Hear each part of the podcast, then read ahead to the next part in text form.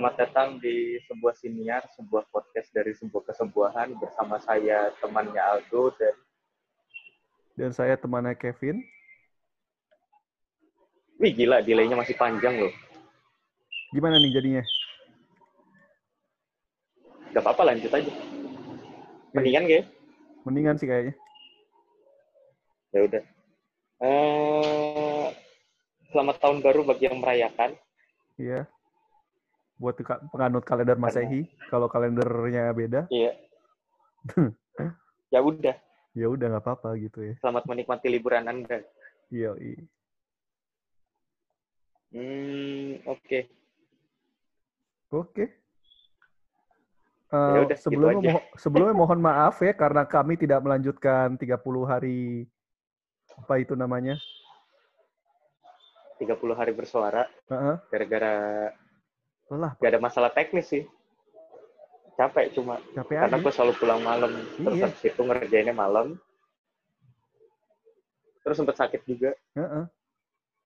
sempat ada yang kena penyakit yang itu di kantor gue terus habis itu Hmm. pada di swab semua jadi semua orang jadi aware Mm. jadi ya udah Kalau di kantor lu ada nggak tuh yang awalnya kayak tidak percaya, oh iya itu kan cuma konspirasi gitu. Terus pas ternyata ada temannya, nggak ada lah ada ya? Semuanya semuanya udah nggak tahu. untungnya nggak ada Jadi nggak ada yang bilang, oh itu Iya. konspirasi tuh. Ya. iya untungnya sih nggak ada sih kalau misalkan ada sih dipecat mungkin iya anjing enggak lah nggak nggak dipecat paling SP tiap minggu iya Dia SP tiap minggu. Kalau kamu tidak tidak percaya, kok jadi kayak Iya. gimana gitu ya? dikasih SP minggu depannya udah percaya belum gitu kan kalau belum percaya SP lagi Kok ngeri. ngeri ya Pak ya? bikin dogma Iya, didikte ani didikte itu. Oh, kamu tidak percaya? Ya udah sa- sa- saya antar kamu ke Wisma Atlet ya. iya tapi gak usah pakai masker ngapain Iya, kan gak kamu usah tidak sosok percaya. hati-hati lah kan anda tidak percaya gitu. Parah banget sih kalau ada kayak gitu ya. Untungnya nggak ada ya. Ya kan, oke. Hmm, untungnya nggak ada Ya jadi kita nggak melanjutkan Ah. karena lelah, capek. Ya lelah, capek gitu ya. ya lelah sama aja sih sama capek Sama sih ya memangnya. Ah ya. Nah gimana? Nih eh, teman-temannya tahun baru, nih tahun baru ya di rumah, di kamar, mungkin di hotel. Kalau bisa liburan gitu ya. Jadi hey keluar kan? Ya maksud gue Iya. liburan bareng keluarga kan, ah. nginep di hotel kan bisa aja bapak. Kenapa anda mikirnya ke sana? ya mana tahu mana tahu bang ya nggak apa-apa juga Ya kan? Ya selamat menikmati tahun baru gitu. Gimana resolusinya? Sudah selesai? Apa mungkin Ah. ada resolusi? Apa mungkin Iya. jadi by the way tadi pagi BKT Oh, iya. rame cuy Hah?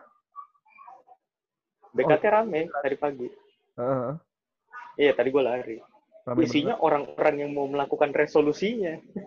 Oh iya. Yang paling hanya bertahan cuma dua minggu. Oh, Gua paling sih gitu iya. enggak lah kita nggak nggak nggak mau pedes-pedes sama orang kayak gitu lagi ya udah kalau misalkan dilakukan bagus sehat Iya, iya. kan Iya, heeh. cuma kalau nggak dilakuin ya ya udah tahun depan masih ada kok Iya. kalau ada Belajarlah dari satu fans sepak bola yang next year next year itu ya. iya akhirnya juara juga Ya, iya akhirnya juara juga. 30 30 tahun. nggak apa-apa nunggu lama-lama kan Iya. Gak apa-apa sih. hmm, Oke. lanjut lah ya Nah, lanjut lanjut. Eh, apa ya, kita hari ini ngebahas tentang oh ya hari ini itu bukan hari ini itu ya Eh, episode kali ini tuh episode 69 ya. Mm-mm. nice angka ajaib Angka ajaib. Eh, kita ngebahas tentang privacy Privacy di era informatika Hmm. seperti ini gitu ya Di Indonesia. di Indonesia. Di konteksnya Indonesia. Heeh. Iya. Karena kalau di luar negeri nggak nggak segininya. Iya. Hmm, berangkat dari kejadian kemarin yang soal video si GA dan MYD itu, Mm-mm. eh, di mana si dua-duanya yang melakukan itu jadi tersangka, tapi yang nyebar nggak dicari. Katanya nyebar udah di Kayaknya dicari deh, udah udah Dicari. udah ketangkep ya. udah ketangkap, udah Bener ditahan, ya? udah ditahan. Iya udah udah udah udah ditahan. Yang jadi masalah adalah eh, dua orang ini sebenarnya kan statusnya korban. Karena gini, konteksnya Mm-mm. lu kalau bikin video suka-suka lu bikin video apa aja itu sama Hmm. aja kayak lu di Instagram ngevideoin logo lu gitu kan atau ngevideoin lingkungan sekitar itu hak lu. Suka-suka lu mau gimana bentukannya gitu kan. Mm-mm. itu udah apa ya itu udah konsensual. Mereka udah bikin ya udah kalau mereka memang memvideokan itu ya udah gitu kan. Mm-mm. nggak ada masalah. Yang jadi masalah adalah kenapa mereka jadi tersangka. Itu pertama. Kedua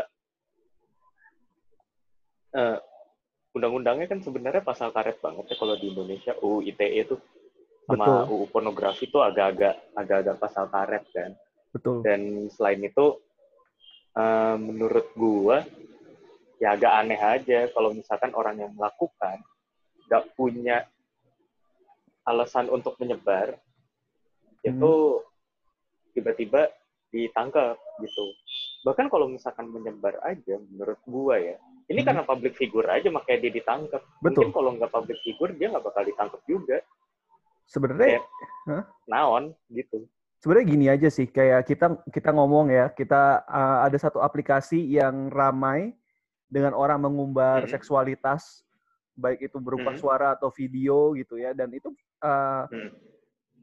apa namanya aplikasi tersebut bukan aplikasi khusus untuk video-video seksual seperti itu tapi memang Hmm. uh, aplikasi untuk sosial media itu kan banyak banget tuh ya kalau kalau kalau mau di sweeping gitu bahasanya ya kalau mau di sweeping Iya. mau tidak itu banyak banget tuh korban-korbannya tuh bakalan tuh bukan korbannya Iya. uh, yang, yang dijadikan tersangka maksud gua tapi kenyataannya kan itu tidak dilakukan ya jadi maksudnya uh, argumen kayak ya udah karena si GA ini adalah seorang public figure nah jadi ya udah rame aja gitu Ini kayak jadi gue ngerasa nih, ini bukannya mendiskreditkan profesi polisi ya. Mm-mm. Cuma kayaknya jadi nggak ada kerja, kayak nggak ada kerjaan aja. Dia ngapain nangkep nangkepin kayak gini? Gitu. Mm-mm. Kayak lu masih banyak nih berita berita kehilangan, berita apa ya perampokan gitu kan. Tapi nggak diurusin gitu. Ada ada sesuatu yang involve, ada sesuatu yang terlibat di situ ketika lu ngelaporin sesuatu gitu kan. Mm-mm.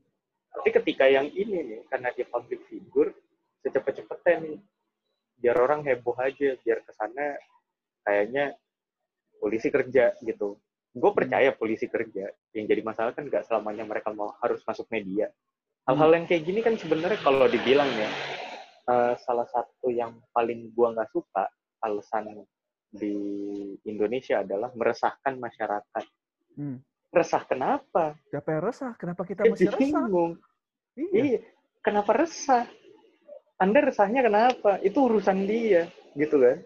Justru kita resah ketika ada uh, pelaku-pelaku yang membobol ha- handphone gitu ya, membobol akun-akun apa pun itu uh, storage kita dan terus data kita disebarkan itu yang meresahkan bukan yang Iya, harusnya di situ. atau pelakunya gitu kan.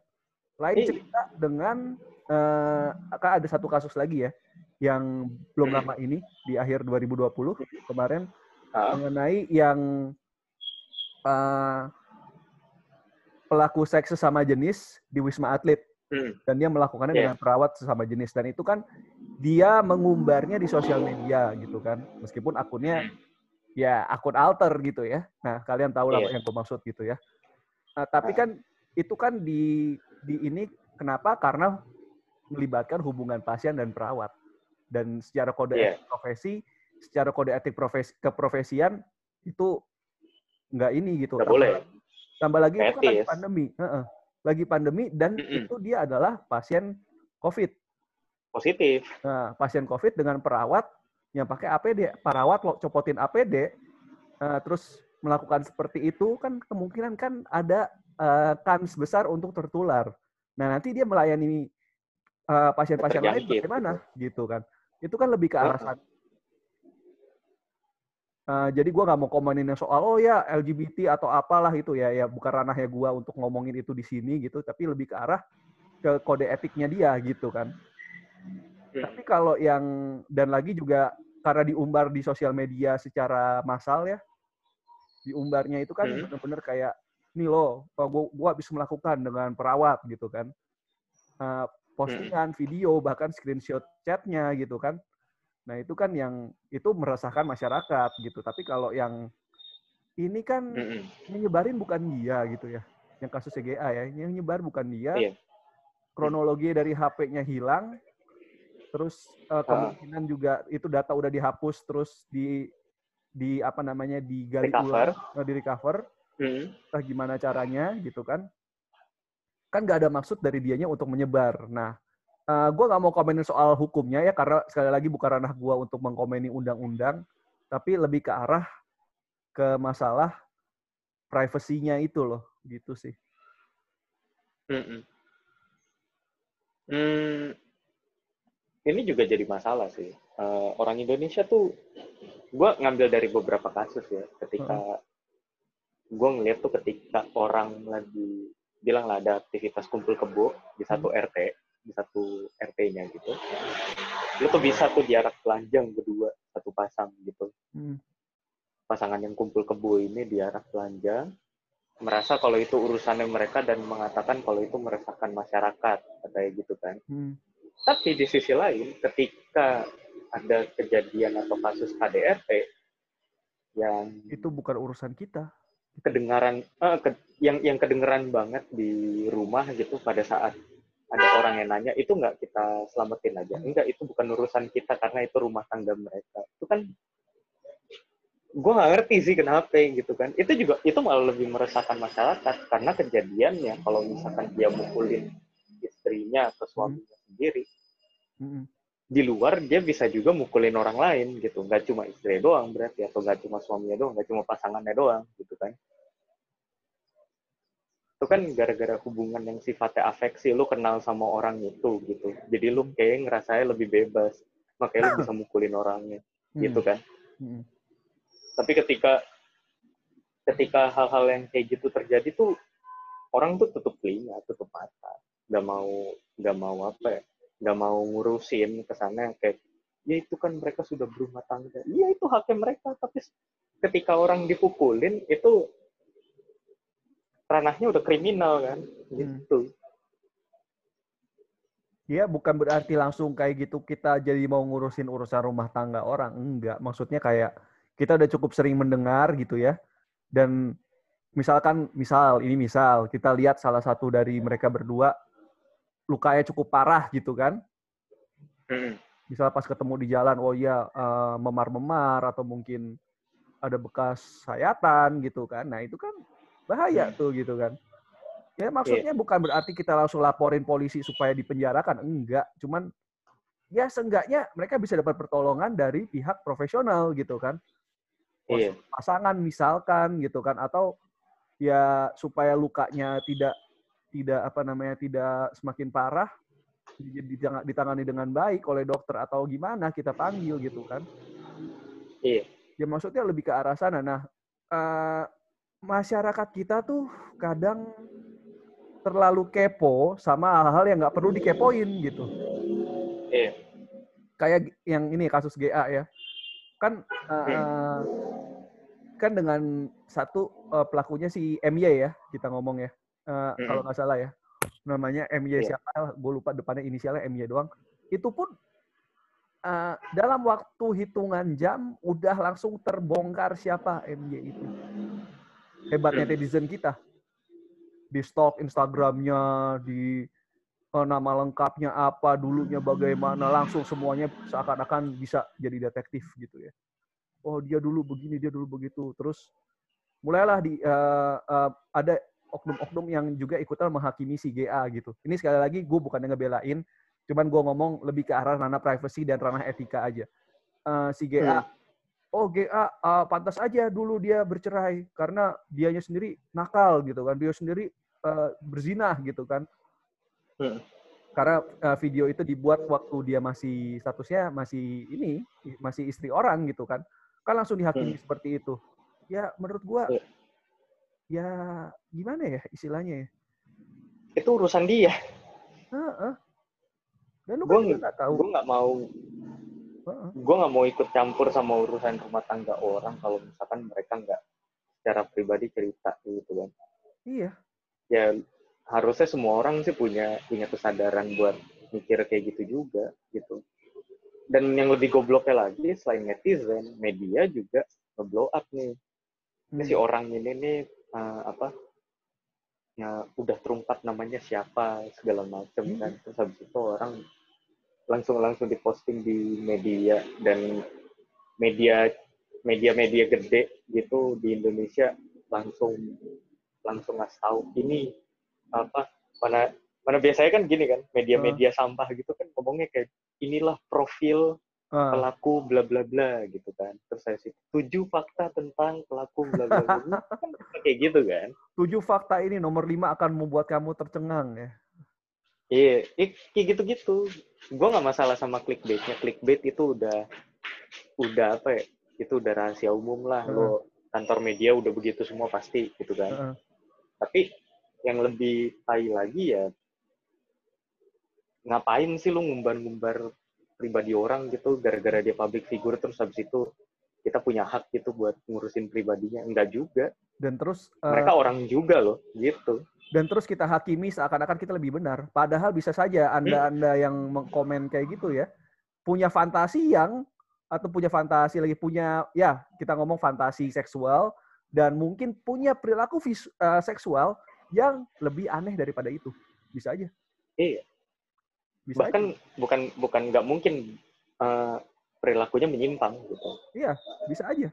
Ini tanpa maksud menghakimi ya cuman ya itulah. Iya. kayak lu ngomong seakan-akan dia oh nggak bener. Apalagi kan kalau kita ngomong kan si uh, eh, GA ini pernah ada di satu video sesama selebriti mengaku sudah bertobat gitu kan mengaku sudah bertobat sudah tidak seperti dulu sudah menemukan Tuhan gitu kan terus kan langsung uh, langsung kan yang kayak uh, dikomenin langsung kayak ya katanya udah bertobat tapi gini-gini. Hey anda tidak tahu itu video tahun berapa. Iya. Tahun berapa itu video? Anda main komen-komen saja ngatain-ngatain. Gitu aja dan lagian tobat itu bukan proses umur hidup sah kalau menurut gua. Bukan?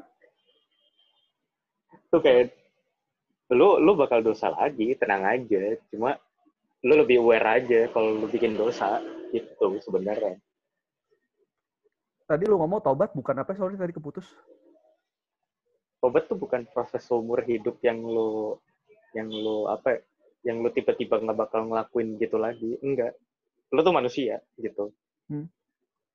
justru dan ngomong maksud lu sekali seumur hidup gitu iya oh Ya. Gak proses sekali seumur hidup terus habis ya. itu lu nggak ngelakuin lagi enggak. Ya, ya, Tapi bener. lu kan berusaha. Jadi lu lebih waspada bener. buat nggak ngulangin kesalahan yang sama. Kalau lu ngulang ya lu ya lu minta maaf lagi gitu istilahnya Betul. kan. Betul, gitu kan. Jadi kalau misalkan dibilang dia tobat tapi kayak gini gini gini gitu kan. Tobat tapi tidak percaya ke Tuhan yang lain gitu kayak tai lu gitu kan. kan ada aja yang kayak gitu kan akan lebih cantik jika memakai apa kan banyak banyak orang yang ngomong kayak gitu itu bukan urusan lu iya imannya orang itu diukur dari mereka sendiri ke Tuhan, bukan lu ngelihat gimana. Iya. Itu tadi apa sering kali orang oh dia udah tobat sudah menemukan hidayah atau menemukan apa namanya menemukan pewahyuan gitu ya bahasanya hmm. apa pun itu uh, dia harusnya sudah lebih baik ya ya enggak istilahnya uh, kalau gue bilang nih ngomongin soal tobat nih jadinya. Tobat itu tuh kayak lu jalan dari minus menuju ke plus. Nah, minus lu itu minus berapa? Minus 50, minus 100. Masih di minus mungkin lu, tapi minusnya udah lebih kecil daripada minus yang sebelumnya. Atau mungkin lu udah di plus, plus 1, plus 2. uh, dan seiring waktu ya lu bertambah itu sampai mana gitu sih kadang-kadang kilaf ya namanya juga manusia punya penuh kelemahan gitu kan hmm. masih berjuang masih struggle gitu loh jadi kayak ya lu katanya tobat tapi kok begini ya ya manusia gitu tapi bukan berarti oh oh ya udah gue pura-pura tobat aja supaya menarik simpati padahal mah tetap uh, tetap bangsat gitu, tetap bajingan gitu ya nggak gitu. Ya nggak nggak gitu juga anjing gitu. nggak gitu maksudnya ya. Jadi kayak ya tobat tuh proses gitu kan kayak lu uh, di istilahnya lu kayak naik apa namanya lu parkiran di mall yang muter-muter tuh biasanya kalau mau ke gedung parkir hmm. kan itu kan kadang lu berasa eh muter-muter aja kan tapi uh, kok masih di sini-sini lagi ya sebenarnya lu sudah di ketinggian yang berbeda gitu iya. Gitu sih, ya. Jadi ngomongin soal tobat. Ya, tapi bener. Maksudnya, nah. itu salah satu hal yang paling gampang dihakimin sama orang. Gitu. Nah, betul. Udah gitu kan, tobat itu kan sebenarnya gampang diucapkan, sulit dilakukan. kan. Easier said than done, hmm. katanya. Hmm. Apalagi kalau misalkan, ya tradisi pakai baju yang ada bau-bau keagamaannya kalau misalkan udah ditangkap polisi itu juga kan hmm. kayak kayak gitu-gitu itulah kayak ya tobat tuh bukan sekali sekali terus habis itu seumur hidup gue nggak ngelakuin lagi enggak gitu dan itu yang biasanya paling sering dihakimin sama orang hmm. terus habis itu apa ya yang yang paling anjing sih emang uh, salah satu privasi yang paling utama yang sampai sebenarnya masuk dalam ranah hak asasi itu kan agama gitu hmm. kan itu kayak rata-rata orang orang Indonesia tuh yang namanya ngurusin agama orang lain tuh top banget. Tapi nggak pernah ngurusin agamanya sendiri gitu. Iya. Ya kayak tadi yang gue kasih tahu. Tobat terus habis itu dapat hidayah dapat pencerahan pakai kostum tertentu yang berbau agama itu tuh harus diatur sama orang lain. Kalau misalkan gak nurut berarti lu nggak nggak beneran tobat gitu. Atau nggak beneran beragama gitu. Ya gak gitu jadi itu nggak apa nggak yang lu lihat di permukaan doang lu tuh ya balik lagi beriman itu sama yang di atas bukan bukan sama lo pada yang lo lihat gitu kan Iya. Nih kayak kayak yang waktu itu kemarin sempat gue bilang ya kayak lu beriman atau punya suatu belief gitu ya apa pun itu baik itu hmm. mungkin lu ideologi atau mungkin uh, agama budaya terus atau atau mungkin suatu orientasi tertentu orientasi politik gitu ya atau orientasi seksual hmm. sekalipun gitu kan itu kan yeah. lu punya penghayatan punya pemaknaan. Hmm. Gak cuman sekedar lu ya udah uh, perilaku-perilaku luar lahiriah doang gitu. Hmm. Perilaku yang kelihatan doang enggak juga, itu lebih ke dalam lu. Jadi kalau misal kayak ngomong barang siapa menyerupai orang-orang tertentu, mereka adalah bagian dari itu. Menyerupai itu kan menyerupai gimana? Menyerupai wujudnya iya. doang atau menyerupai sampai ke penghayatannya? Gitu sih.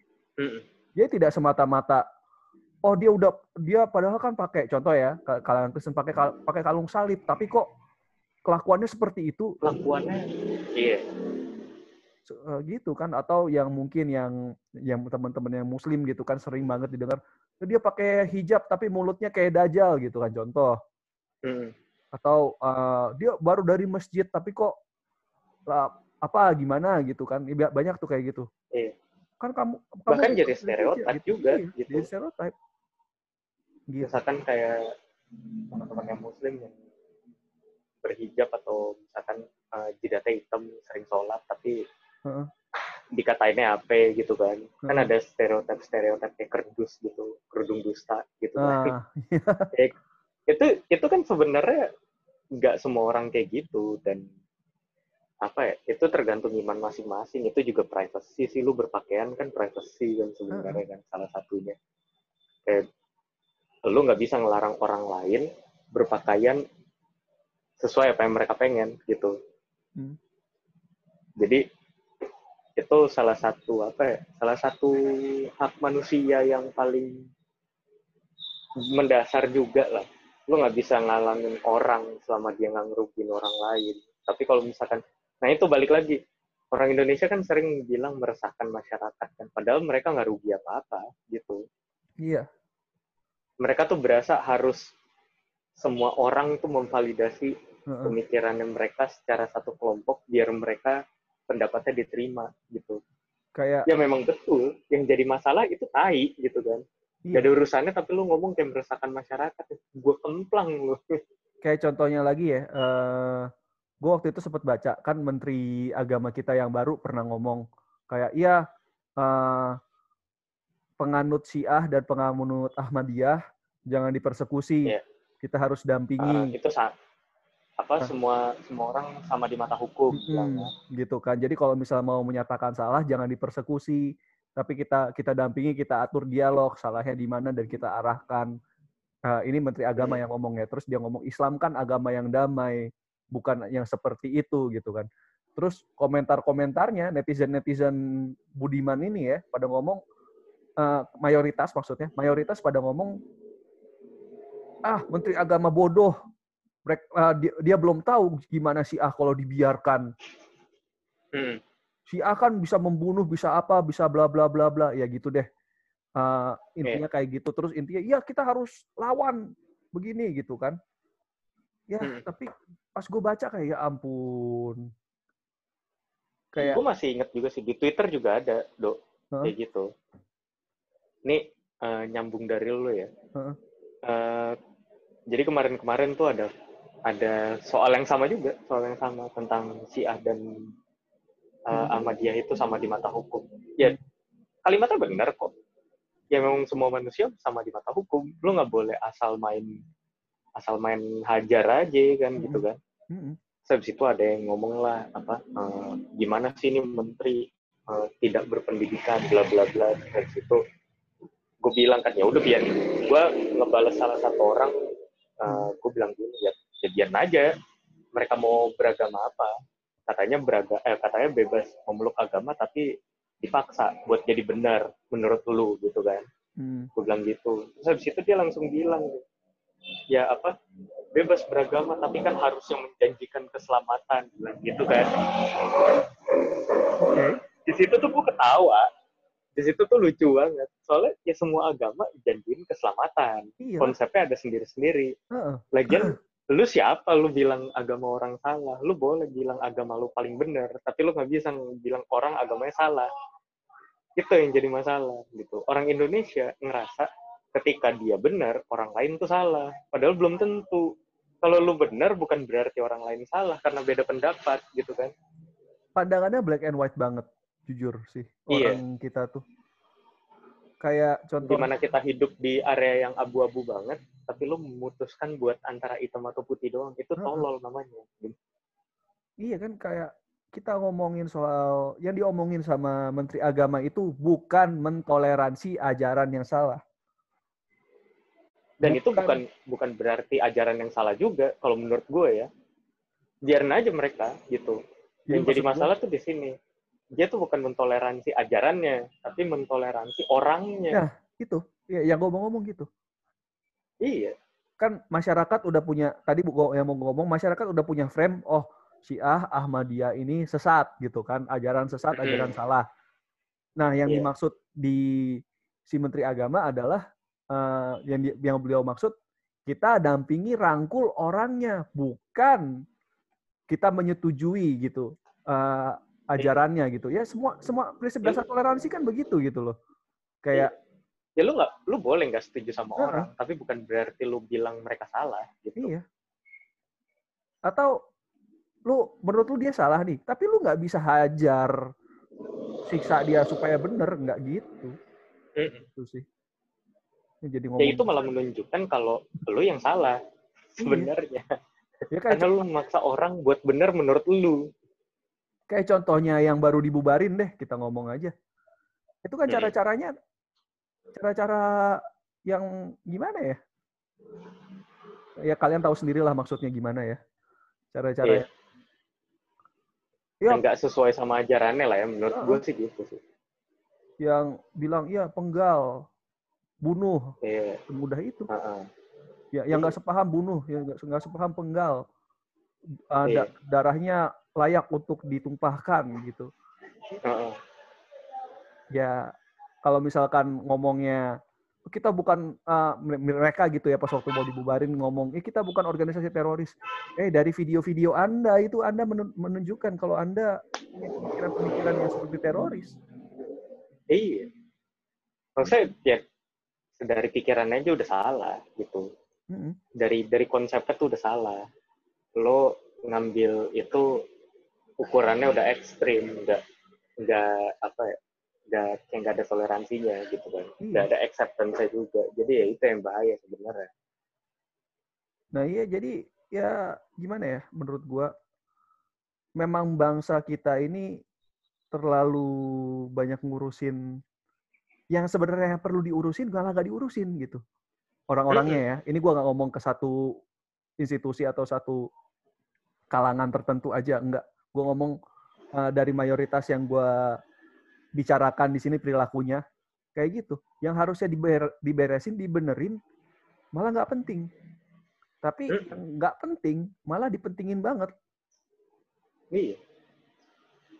Ya kalau menurut gua sih karena orangnya juga nggak punya waktu buat banyak mikir terlalu keras sih. Males pakai otaknya. kayak ini contoh lagi sih nih gua eh bukannya apa-apa ya kemarin teman gua ada yang cerita ke ke gua kalau dia tuh demam dan ada diare Hmm.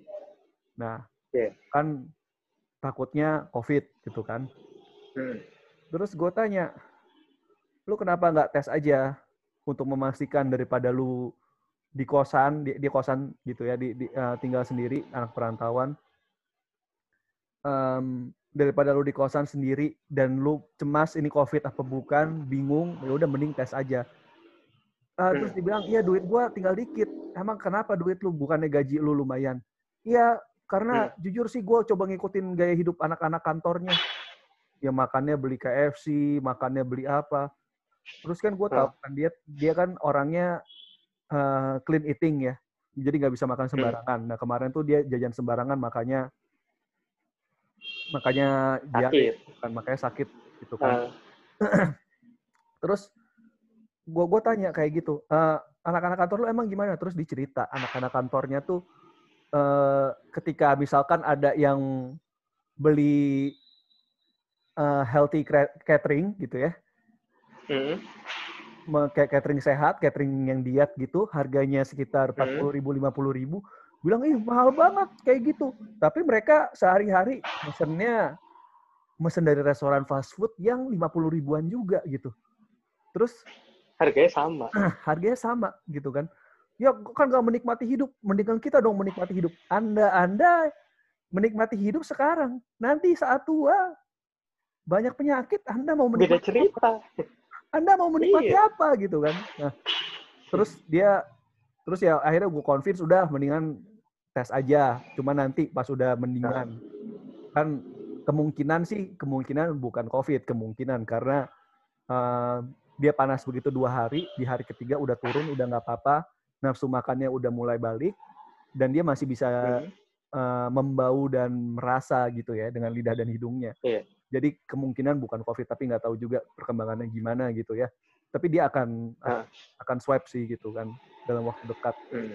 Gue sarankan gitu. Nah itu kan kayak eh, dia ngomong iya kan swab dia sempat ngomong ya swab mahal kan 250 ribu kayak wow untuk orang gimana ya maksud gue standar kesehatan kaum milenial dan Gen Z kayaknya udah mulai aneh nih pas gue denger itu gitu Hmm. kayak lu bisa beli kopi sehari 50 ribu mungkin sehari bisa berapa gelas makan junk food gitu nggak keluar duit banyak bisa juga. Tapi untuk cek kesehatan yang segitu mahal gitu kan. Kayak Hmm. yang eh, sekali lagi gue bukannya maksud menghakimi atau eh, mengini ya tapi istilahnya gue cuma nyentil aja gitu kan kayak eh, prioritas prioritas kesehatan lu itu sekarang udah lu taruh nomor berapa sih gitu. Cuman karena lu ngikutin standar hidup orang Jakarta gaya hidup orang Jakarta terus eh, hal-hal esensial lainnya yang harusnya lu perhatikan malah lu nggak perhatikan Nah, jujur sih emang emang generasi kita ya, uh, milenial, Gen Z, karena terlalu banyak terpapar sosial media gitu. Emang hmm. jadi pola pikirnya begitu, kayak yang hype di sosial media gue harus punya. Yang yeah. bener kayak gitu. Ini standar standar dunia sekarang seperti itu. Gue harus ikutin. Hmm. Padahal belum tentu. Ingat gak sih waktu pelajaran lo kewarganegaraan yang tentang yeah. globalisasi? Bagaimana seharusnya ah. sikap seorang pemuda menyikapi globalisasi?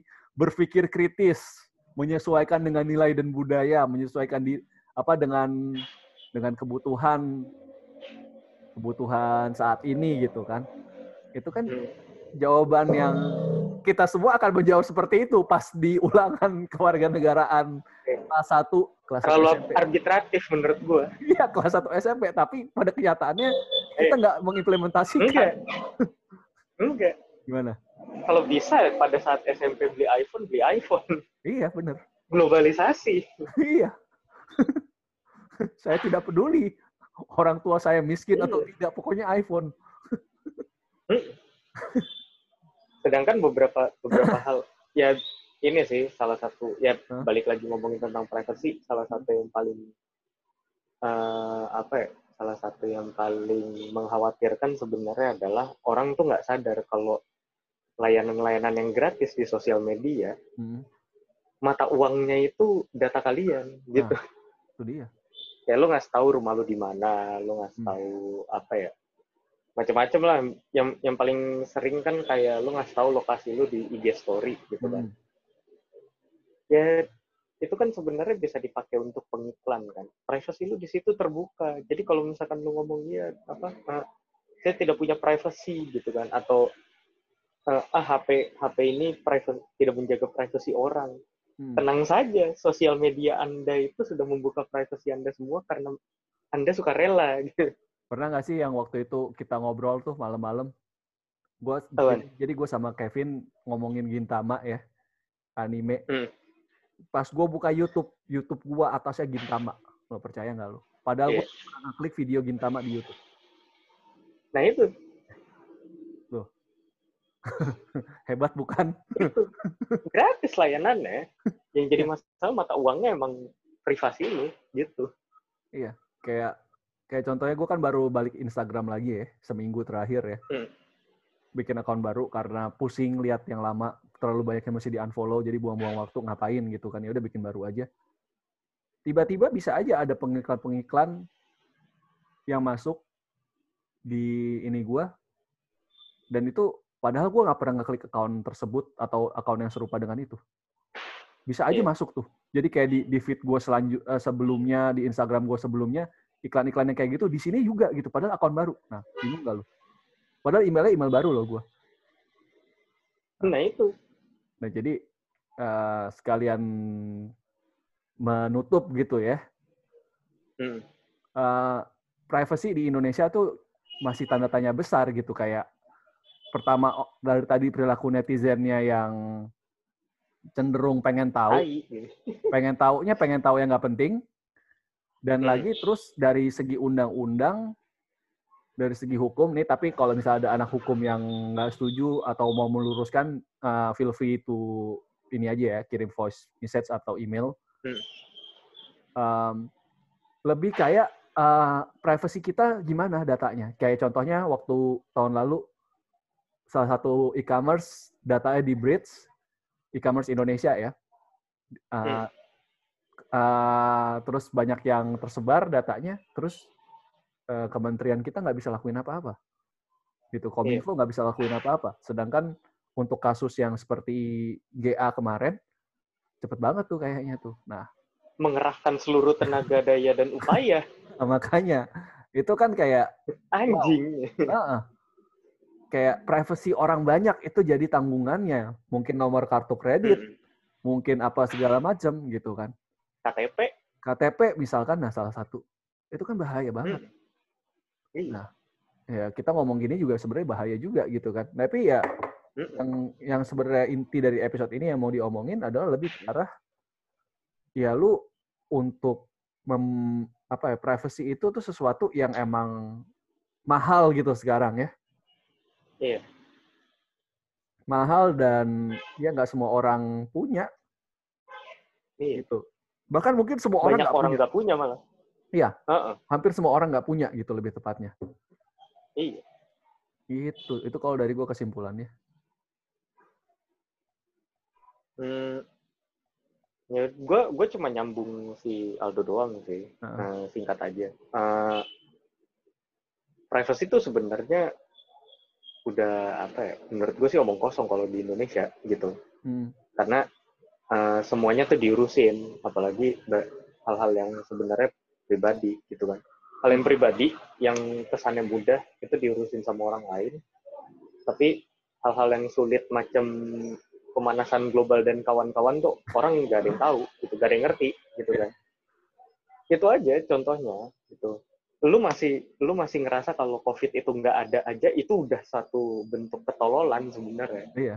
itu itu hal yang penting tapi lu nggak peduli sedangkan hal-hal kayak video CGI ini terus GA ini jadi tersangka itu lu urusin Iya. lu urusin sedalam-dalamnya kalau bisa gitu kan bahkan lebih dalam daripada orang penyelidik forensik bisa tuh kayak begitu Ya seakan-akan lu udah itu merasa, doang sih oh gue expert gitu ya. Gitu. iya Ah. ya dia banyak sih expert yang di Indonesia expert dalam tanda kutip itu Iya, banyak expert banget Banyak banget memang. Heeh. Ya, intinya memang ya kita di podcast episode 69 ini ya, awal tahun 2021 bu- kita bukan ngomongin resolusi, malah ngomongin ini. Ya, itu aja dari kita ya. Iya. Harus belajar jadi manusia. belajar jadi manusia eh Bye bye.